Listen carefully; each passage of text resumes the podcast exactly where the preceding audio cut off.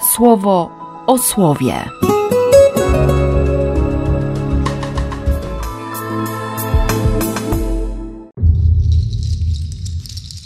Dwudziesty ósmy września, środa. Oby mnie zechciał usłyszeć i rozważyć me słowa. Lecz przecież choć byłbym sprawiedliwy, nie usłyszy mnie, gdy będę błagał o jego osąd. A jeśli nawet usłyszy, gdy będę wołał, nie myślę, że wysłucha mnie. Jakie to bliskie, nie? Ile razy, ile razy już tak się mówiło, czuło, myślało. Hiob, ten najdoskonalszy człowiek na ziemi, doświadcza absolutnej pustki. Stracił fundamenty nawet. Miota się w sobie. I każdy z tych jego trzech przyjaciół, potem się jeszcze czwarty, młody człowiek pojawi, każdy będzie mu udowadniał, że, że jest grzesznikiem, że nie zasługuje na miłosierdzie, na błogosławieństwo.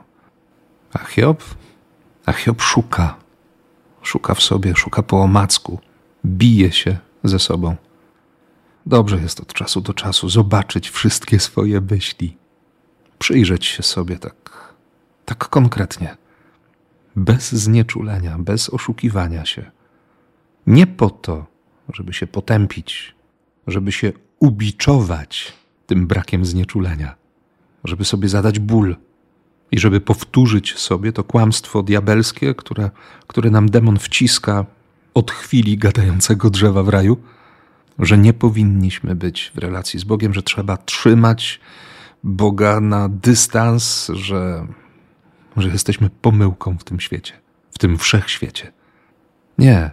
Chodzi o to, aby spojrzeć na siebie bez znieczulenia i zobaczyć, że, że Bóg nas będzie ścigał swoim słowem, że to On nas ubierze w tę pierwszą szatę, nie tyle najlepszą, co pierwszą, w to pierwsze doświadczenie miłości, doświadczenie tego, że jesteśmy chciani, że nie jesteśmy tutaj przez przypadek.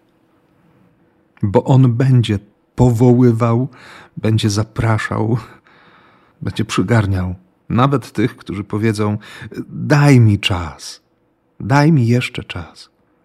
Owszem, zapyta, czy przemyśleliśmy koszty decyzji pójścia za nim. Lisy mają swe nory, ptaki swoje gniazda, ale ja nie mam na ziemi własnego miejsca. Więc zostaw to, co, co cię wiąże, co cię przygniata, co sprawia, że, że potrafisz Bogu powiedzieć, że nie słyszy. A nawet jeśli słyszy, to, to nie interesuje go to wszystko, co jest we mnie, bo. A poza tym, poza tym mam jeszcze wiele innych spraw, które najpierw muszę zrobić.